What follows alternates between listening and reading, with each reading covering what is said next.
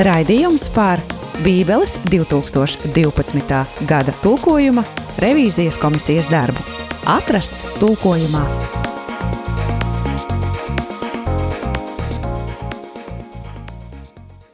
Labdien, labdien! Ir atkal otrdiena. Mans vārds ir Mārcis Šverns, un es laiskan raidījums atrast tulkojumā. Un man ir tas gods un tā laime. Teikt, mums šodien mums ir aplēmojuši divas brīnišķīgas dāmas, teoloģijas, reliģijas zinātnieces. Varbūt lūksim viņas stādīties priekšā. Labdien, es esmu Aļēsija Lavrinoviča. Sveika, Lesja! Līva Fokrote, labdien! Sveika, Līva! Par ko mēs šodien, dāmas, runāsim? Ai, ļoti sevišķīga tēma. nē, patiesībā nē, ļoti nopietna tēma. Šodien uh, mēs runāsim par Jāņa atklāsmes grāmatu, pēdējo grāmatu Bībelē un jaunajā derībā. Tas ir šaušalīgi sievišķīgi. nu, diez vai, diez vai. No, sākam. Jā, um, nu, es laikam vispirms gribētu Aļiesijai pajautāt, Aļiesijā, um, kā, kā, ir, kā veicās pēdējā reiz, tikšanās reizē ar, ar sarunu par atklāsmes grāmatu, vai gāja viegli? Aļies viltīgi un daudznozīmīgi smaidam. Bija viegli, grūti. Bija samērā viegli, es teikšu, jo šī ir. Varbūt kā kuram šī grāmata ir nozīmīga, bet, piemēram, es šajā grāmatā nesaredzu tādas kaut kādas konkrētas doktrīnas, kristīgās, par kurām vajadzētu ļoti smalki un, diskutēt un ilgi domāt. Tā kā, man liekas, tā atklāsmes grāmata, salīdzinot ar pārējām jaunās derības vēstulēm un evaņģēlijām, iet raitāk. Oh, interesanti, vai ne? Uh, jā, atklāsmes grāmata, manuprāt, ir, tā kā tu saki, ir pilnīgi cita kategorija, un tajā, man liekas, ir daudz vairāk uh, tādu uh, tēlainu ainu, uh, līdz galam nesaprotamu notikumu, kaut kādas pamatējumas, vadlīnijas, tu saproti, jā, ir dievs, ir jērs, jā, ir, ir zvērs, jā, bet, uh, tā kā tu teici, jā, tur nav tādas, tā pāvēl vēstulēs, teiksim, skaidrs doktrīnas, kur ļoti precīzi kaut kas ir jāatrunā, un tā. Uh, Interesanti, ka tu teici, ka jā, tieši izcēl šos doktrīnas jautājumus. Vai, um, tas, ko es esmu pamanījis mūsu sēdēs, ir, ka mēs runājam gan par doktrīnu jautājumiem, ļoti daudz, ja, bet arī mēs bieži vienkārši runājam par valodas, par izteiksmes veidu, kā labāk pateikt kādas lietas. Un, uh, es ievēroju, ka kādreiz mēs paliekam pie iepriekšējiem vai ļoti tradicionāliem veidiem, kā mēs formulējam lietas. Reizēm nākam kaut ko jaunu vai daudz, daudz mūsdienīgāku. Kā tu teiktu, vai tās korekcijas, ko ieviesām uh, atklāsmes grāmatas tekstā, latviešu valodā tieši, vai tas ir atgriešanās pie kaut kā tradicionāla vai kaut kas vairāk jauns? Tieši ar pilsētu, man liekas, ar pilsētu nosaukumiem un uh, eņģeļu nosaukumiem. Oh, jā. tā ir atgriešanās pie tā, kas ir jau pierasts valodā, nevis pie mm kaut kādiem jauninājumiem, kas varbūt bija tajā pašā 2012. bet cik es tagad skatos to dinamiku tieši nu, arī atklāsmes grāmatā, tomēr tā ir atgriešanās atpakaļ. Un arī bija runa par vienu pilsētu, Tietīra, mm -hmm. šajā atklāsmes grāmatā, par kuru mēs šodien nerunāsim, jo tas man, man likās nav tik būtisks, tiek tik būtiski grozījumi, bet 12. gada tūkojumā bija Tietīras daudzskaitlī, mm -hmm. lai gan pēc būtības tā ir Tietīra. Mm -hmm. pilsēta. Jā, mm -hmm. un tas ir saistīts ar to, kā mēs šo nosaukumu atveidojam. Jā, jā. jā. Okay, bet uh, tu teici, ka te, tas varbūt nebija tāds būtisks grozījums, bet šoreiz, tavuprāt, būtiskākais grozījums, ko tu, kur tu izceltu?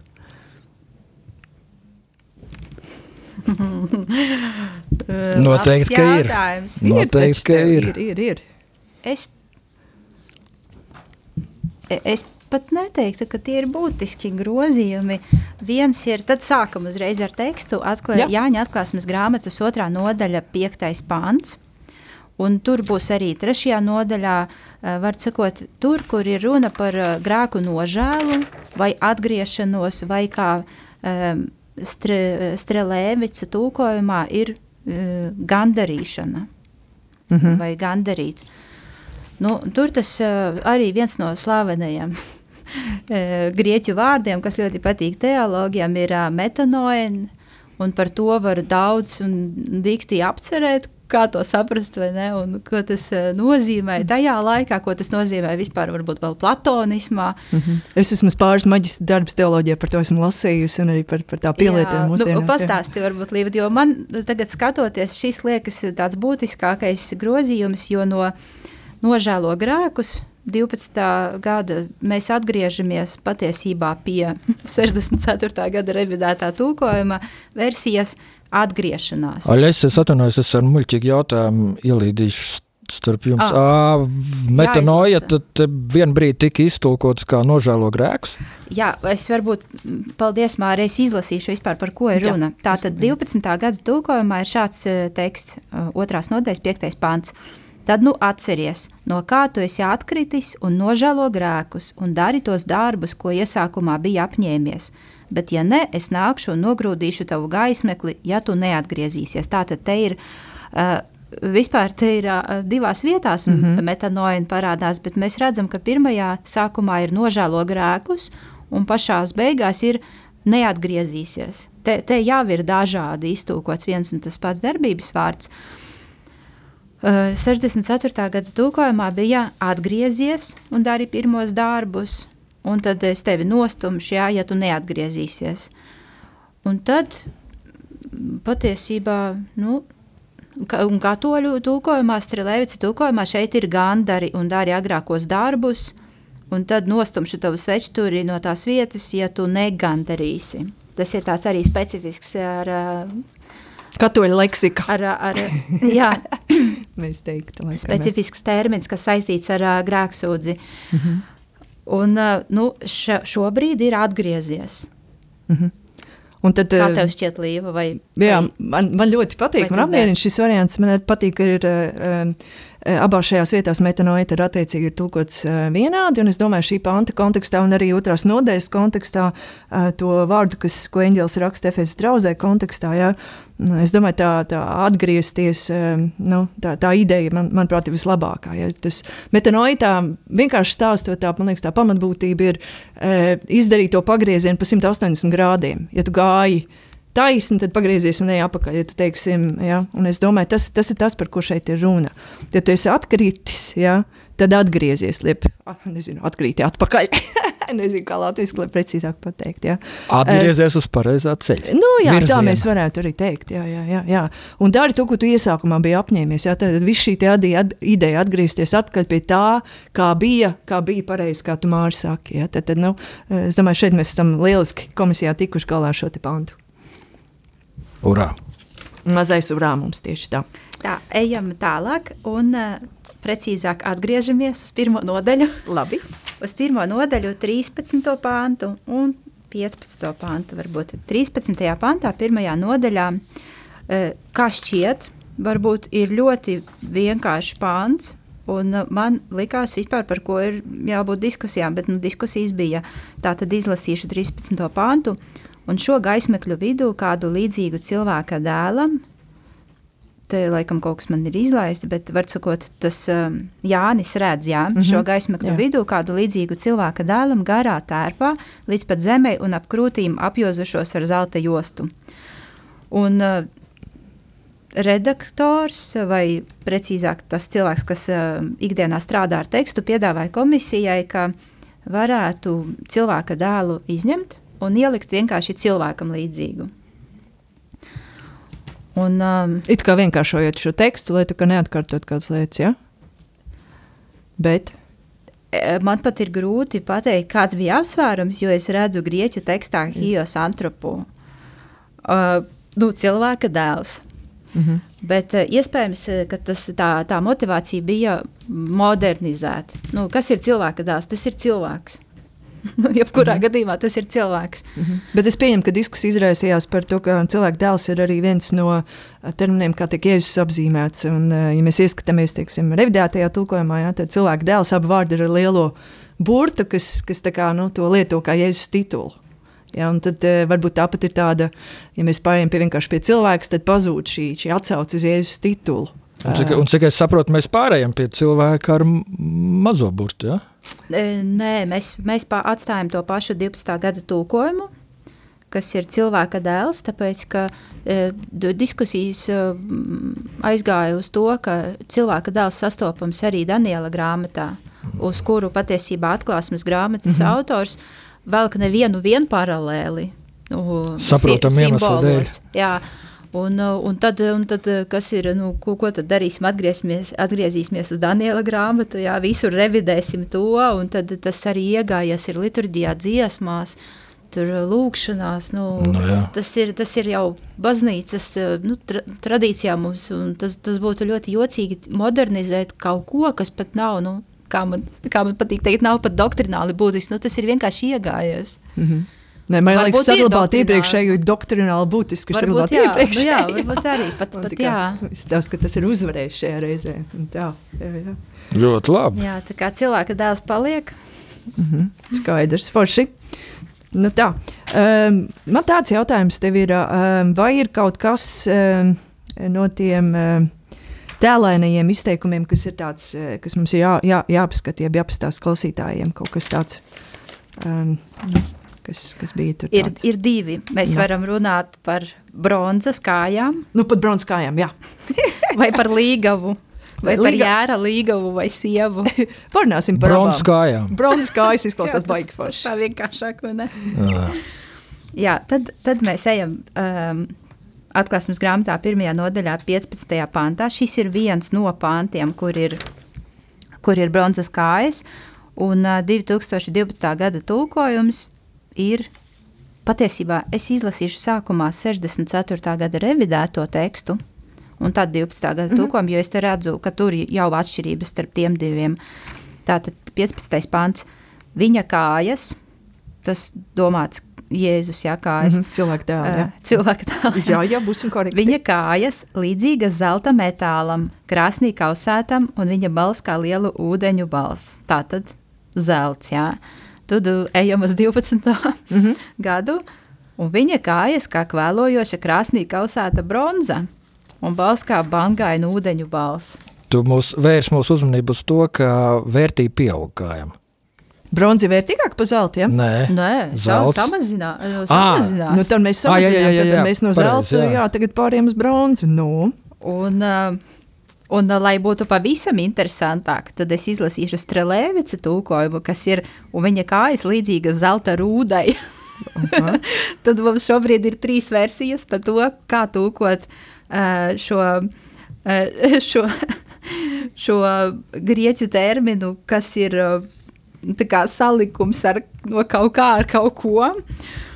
Un, um, Un, jā, var sakot, vai, tā ir, vai tas ir zelts vai bronza, vai, vai tā ir rū, zelta rūda. Un tur patiesībā uh, nevar atrast pareizo atbildi. Daniela grāmatā šitā kaut kas līdzīgs ar kaut kādiem mājieniem un kājām. Viņam jau tur bija. Ir, jā. Bet jā. tur ir bronzas vai kā, kāds cēl, Tur ir- Cik es tagad atceros, man liekas, tur bija bronza. Mhm. Bet, nu, Uh, bet, uh, var Varb- sakot, nevar īsti arī uh, kaut kādos senajos tekstos saprast, ko tas nozīmē. Tāpēc, ka, piemēram, no grieķu uh, halkondi, uh, Aļas, jā? ja, A, tas jau bija bronzas laikmets. Tātad tur viņi. Tam bija lielāka vērtība nekā pēc bronzas laikmeta. Tā kā varbūt tās mūsdienās dara arī zelts. E, Tur tā lieta, ka latīņu valodā Halko Lībanos iztūkoja kā kaut kas ar aurus ar zeltu, bet tas nav tikai zelts, tas ir kaut kas zeltam līdzīgs vai kaut kas tāds. Tāpēc arī Mhm. es saprotu, ka Strelētas tūkojumā parādās zelta rūda, jo tas ir iespējams, ka tas nav īsti zelts. Kā debesu valstība, kas ir līdzīga to tam un tam, un mēs tā tieši nevaram pateikt, un šeit varbūt Jā. ir līdzīgi. Jā, nu, manuprāt, komisija pārāk daudz diskutē par šo personīgi. Man šis nav doktrināli principiāls jautājums, atzīšos. Jā. Nu, beigās palika pie kvēlojošas bronzas. Mhm. Jā, tad kaut kas tomēr, um, kas ir tāds izteiksmīgs, um, tomēr vērtīgs, jā, uh, iespaidīgs. Jā, ja mēs paskatāmies, ir tas tēls, kas tiek zīmēts, ja tur ir galva un mati kā sniegbalta vilna, acis kauguns liesmas, ja tad tās kājas, kas ir, kas ir šajā metāla sajaukumā, jā, tad uh, balss uh, spēcīga tā kā bangaina ūdeņa balss, jā, vai kā liela ūdeņa balss, jā, tad, tad tāds diezgan iespaidīgs cilvēka tēla, dēla tēls, jā, kas šeit tiek zīmēts, un šī ir tā viena no tām detaļām, jā, kas, Jā, un tā kvēlojoša bronza, cik es atceros no diskusijas, ir kaut kas tāds pilnīgi tā sa sakarsēts tā, ka tas ir tāds sarkans. Jā. Nokaitēts, kā saka. Jā, laikam, nokaitēts, un, uh, un, tas, un arī bronza ir arī Daniela grāmatā, tāpēc vislabāk ir vienkārši vienādot tekstu, lai nebūtu nekādu. -hmm. Kā tur bija sūtījuši uguni uz šo zemu, kā es vēlētos, jau, lai tā jau degtu. Varam de, kas attiecas degošām kājām, tas tāds mans kārtējs jancīgais iestapinājums. Dāmas, varbūt tās uh, dziesmas pauze? Iepauzējam.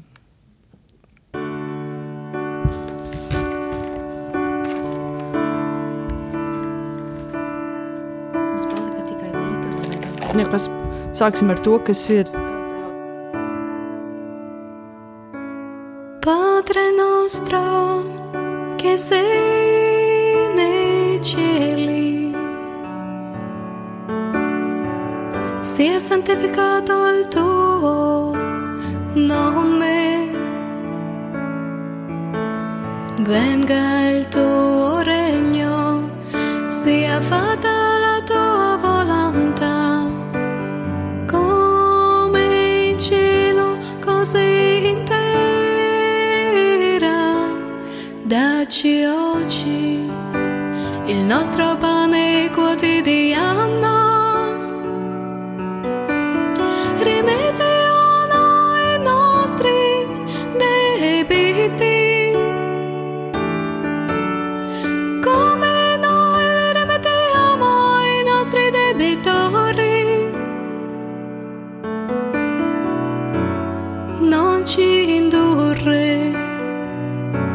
In tentazione ma liberaci dal male.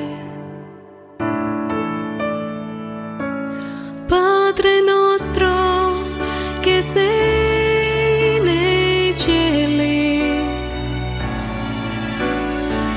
sia santificato il tuo nome, venga il tuo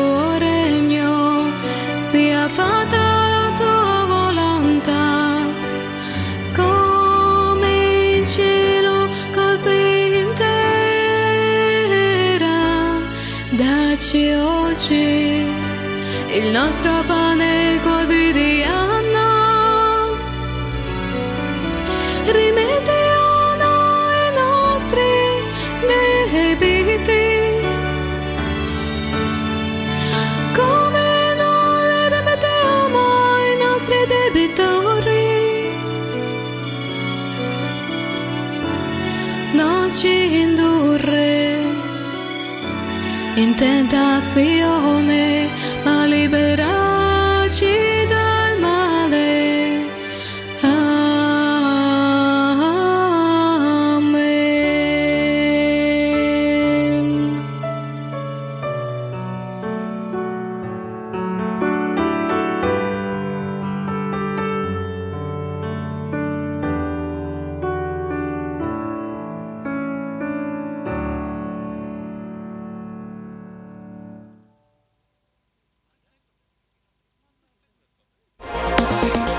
Atrasts tulkojumā.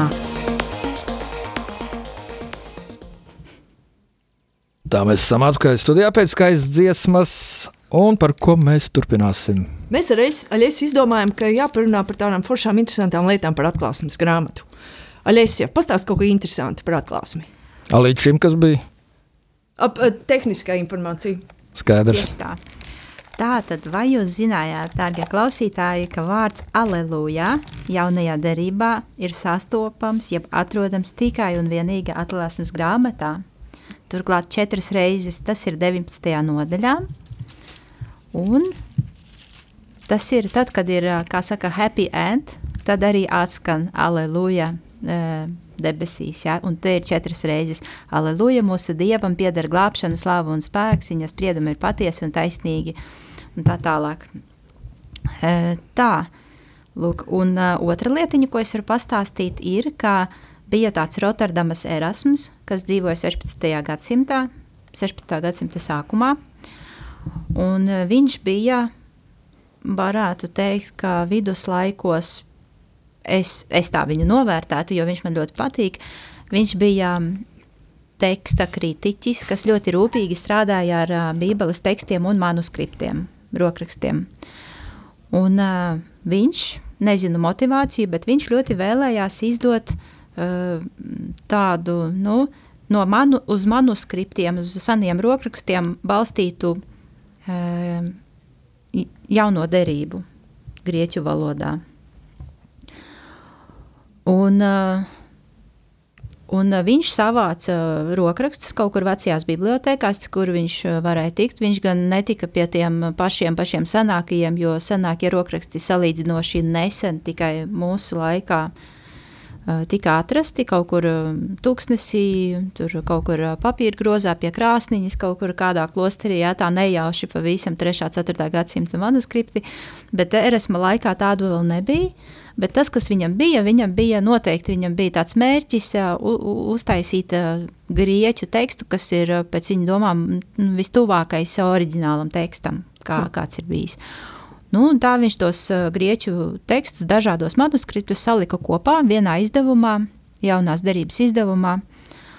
Un uh, tad viņš redzēja, ka vienam manuskriptam ir um, atklāsmes grāmatā pašā pēdējā nodaļā trūkst uh, 5 vai 6 panti, 16, 7, 8. Nē, nē, 6 panti trūkst. Un ko viņš darīja? Viņš no visas sirds tik ļoti gribējās to, grieķi, gribēja to grieķu izdevumu izlaist, ka viņš paņēma vulgātu, kas bija baznīcas bībele to, to laiku, un viņš no latīņu valodas pats uz grieķu valodu pārtulkoja šos pēdējos sešus pantus papildināja manuskriptu, lai viss ir kārtībā. Ja? Ja viņš savu versiju izdeva.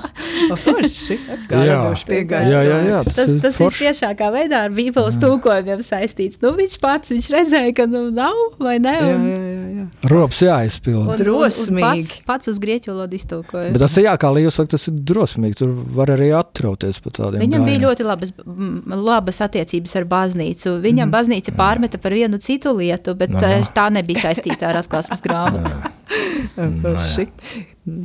Skaisti, šis ļoti fains stāsts. Jā. Jā, jā. Man tāds jautājums jums, kā jums liekas, cik reizes vārds atklāsme ir minēts atklāsmes grāmatā? Nosaukumā vienreiz. Bet tekstā? Nevienu. Uh, nu, tekstā ir, ja paskaties, pirmajā nodaļā, pirmajā pantā ir Jēzus Kristus atklāsme, tie ir pirmie vārdi šajā grāmatā. À, nu tas ir ievads. Nu, bet tas ir teksts. Un iztirzājumā cik ir? Nav.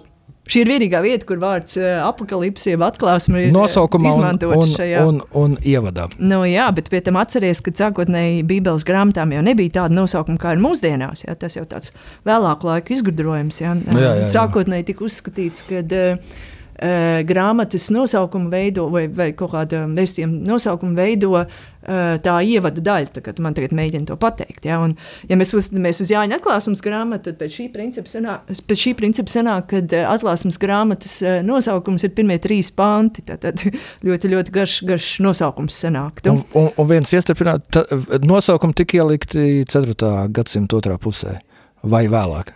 Mm, jā. Tā varētu būt. Ap to laiku, jā. Jā, ap to laiku būs. Jā.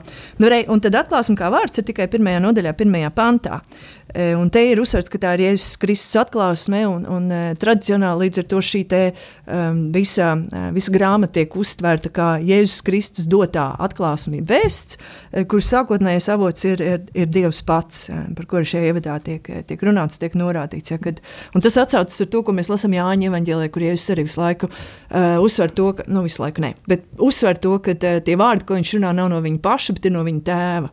Ja, un te, un te tā, tā ievadā tā doma ir līdzīga. Un, un, un kas attiecas Jānis, tad uh, atklās grāmatu arī Jānis rakstīs. Ja? Nu, teorētiski tā ir uh, tradicionāli tā tiek uzskatīts, tā tiek uzskatīts. ka Jāņa evaņģēlijas, Jāņa vēstules, Jāņa atklāsmes grāmatas ir tā, tāds vienots korpus. Uh, kurš ir diezgan līdzīgs. Ir, ir tie vienojošie elementi, pietiekami daudz, lai uzskatītu, ka tas ir viens autors. Jā, protams, mūsdienu pētniecībā arī parādās citi varianti, kas, kas uh, tik viennozīmīgi. Ja nu gadījumā nāk kāds cilvēks no malas un jautā, kādā sakarā Jānis ir rakstījis to, ka to Jēzus saka, tā kā Jēzus vārdā to atklās un pauž. Kā tu to domā? Nu, uh, ir Jēzus Kristus atklāsme, jā, ir šī atklāsmes grāmata at, atklāsmes grāmatu. Bet pierakstīs Jānis, un Jānis raksta no pirmās personas, no Jēzus Kristus. Ja, bet viss normāli. Jēzus Kristus atklāsme, ko viņam devis Dievs, lai rādītu saviem kalpiem, un viens no šiem kalpiem ir Jānis, kurš tad pieraksta to visu.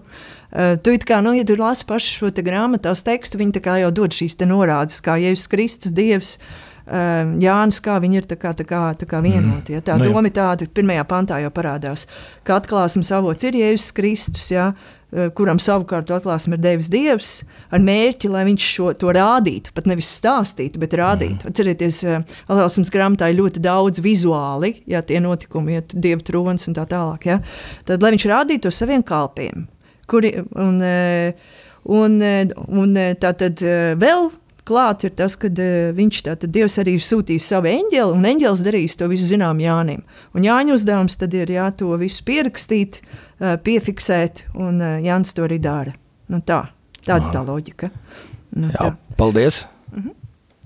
Es tikai gribu atgādināt to, ka jau kopš uh, pašiem pirmajiem kristietības gadsimtiem tieši par atklāsmes grāmatu ir bijušas neviennozīmīgi, ne, neviennozīmīgs atbalsts, vai to vajadzētu kanonā iekļaut. Un, um, Vēlāk arī Mārtiņš Luters diezgan kritiski izteicās par grāmatu, ka tur nesot, nu, ka tā, ka, ka, ka diez vai tā ir svētā gara sarakstīta, jā. Uh, jo tur ir um, tur ir, jā, tur ir Jēzus Kristus, bet tajā pat laikā tur pa vidu ir jērs. Tas ir jērs, tad ir cilvēka dēlam līdzīgs, tā ir tāda simbolika, kas uh, liekas, nu, ja tas ir Jēzus Kristus, tad visur ir jāsauc Jēzus Kristus, vai ne? Bet tur ir uh, alfa un omega. Tur, nu, protams, mēs tikai tā saprotam, jo tas viss ir baznīcas tradīcijā un uh, liturģijā un mācībā. Mēs tagad saprotam, ka tas viss par Jēzu, bet tajā pašā Sākumā. grāmatā. Tur, mm. tur, tur, tā, tur ir ļoti daudz simbolu. Un, ja es nemaldos, ka Mārtiņam Lutheram bija iebildums pret šo grāmatu tāds, ka tur nav evaņģēlija. Tur ir viss kaut kas cits, jā, tur ir, tur ir labā un ļaunā cīņa, tur ir, jā, mēs tur saprotam, jēras beigās labais uzvar, bet tur nav evaņģēlija. Mm. Un evaņģēlijs bija tā Lutera mēraukla, pēc kura, pēc, pēc kura mērīt, vai, vai svētais gars to ir nu, iedvesmojis to Jā. grāmatu. Mm -hmm. Un pēc tā standarta nekas tur nenotika. Bet, uh, mēs varam par to līgu parunāt, jo mums drīz laiks beigsies. Bet, bet, bet, bet, bet, bet Luters palika šajā redzējumā viens, un, un citi tā nedomāja. Uh, Nu, mēs pirm, tikai piefiksējam, tam, ka tāds domas pirms bija. tam, tad, kad tapa kanons 3. un 4. gadsimtā, par to bija arī debates, ah. arī par atklāsmes grāmatu. Labi, jā, un, un, un tad tā, tālāk. Pēdējais, par ko mēs šodien runāsim, ir 19. nodaļā, 7. pantā sastopamais vārds līgava.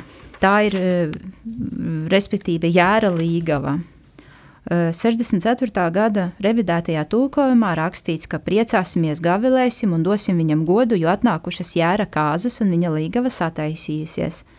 12. gadā šī līgava pārtop jau par sievu, un te rakstīts, viņa sieva jau ir sagatavojusies. Tā tad jautājums bija, kā rakstīt līgava vai sieva, jo grieķu tekstā ir vienkārši ginē, kas ir sieviete. Un, jā, nu. Žēl, ka nav senebreju valodā, tad būtu vienkāršāk būt īšā. Nu, nezinu, vai vienkāršāk tur būtu, tur būtu tas pats, kas, kas grieķu valodā. Uh, un apmēram nu, sieviešu dzimtes personijā tā, tā būtu. Uh, šobrīd palika pie līgavas, jo 22. nodaļā, 17. pantā ir līgava, bet vispār šo visu lietu padara sarežģītu tas, ka, piemēram, 21. nodaļā, 9. pantā ir rakstīts gan līgava, gan sieva. Es pat varu nolasīt, kā tas tur parādās. Tā tad. Uh, es varu nolasīt, ka jā, jā. 21. nodaļa, 9. pāns. Tad atnāca viens no septiņiem eņģeļiem un, un, tā, un, un tad runāja ar mani. Un tas, tie vārdi, ko tas eņģelis saka, ir nāc, es tev rādīšu līgavu, jēra sievu. Tā kā jēra, sieva un līgava, jā, blakām. Tur, tur, tur blakām, jā. Mm -hmm, mm -hmm. Mm -hmm. Tur vi, vienās līdzībās. Tā ir mistērija, līdzības. Jā. Bet kā jūs izšķīrāties, kas bija tas, kas mudināja izšķirties par labu līgavai? Es, es, e, e, es vienkārši teicu, ka tas kaut kā ir pierasts. Nu, jā, nu, man liekas, bija pēc loģikas arī. Ja, liekas, tā varētu būt tā mūsu kultūras loģika savā ziņā, kad uh, uz kāzām gatavojas līgava vai aizrunātā sieva. Tā ir neteiksi. Līgava, jā, jā, jā, jā, jā. Nu, tā kā uh, man tā liekas, vai tā ir, nu, nu jā, es. Uh, Vieglāk iztvert to domu, kādu savākt. Tu teiksi, sieviete, kura gatavojas precēties, vai um, jā, gandrīz sieva vai kā. Ja? Nu, Apsolītā sieva vai Apsolītā kaut sieva. kā tā izskanē versijas. Nu, tas, ir, tas ir bijis jūdu jā. tradīcijā, jā, bet mums ir, nu, mums tā ir līga. Jā, mēs nesap, nesapratīsim īsti, kas ir absolūtā sieva. Jā, jā, jā. Tāpēc mums ir vārds līga, un tad mēs to lietojam. Ja? Mm -hmm. Brīnišķīgi. Nu, kaut kā tā. Nu, ko šīs skaistās nots, daudzsološās. Mums laikam ir jābeidz, mums laiks ir iztecējis, diemžēl kārtējo reizi. Ļoti ātri pienākusi raidījuma beigas. Paldies, es saku mūsu šīs dienas viesņām Aļasē Lavrinovičai un Līvai, mm, kur man te pierakstīts Līva atvainojas, saki. Fokrate. Fokrate, Līva Fokrate un Aļasē Lavrinoviča pārēd vadīja Māris Šverns un, ja Dievs dos, tiksimies pēc divām nedēļām. Visu labumu! Paldies, vislabāk! Paldies, uz redzēšanos! Raidījums par Bībeles 2012. gada tulkojuma revīzijas komisijas darbu. Atrasts tulkojumā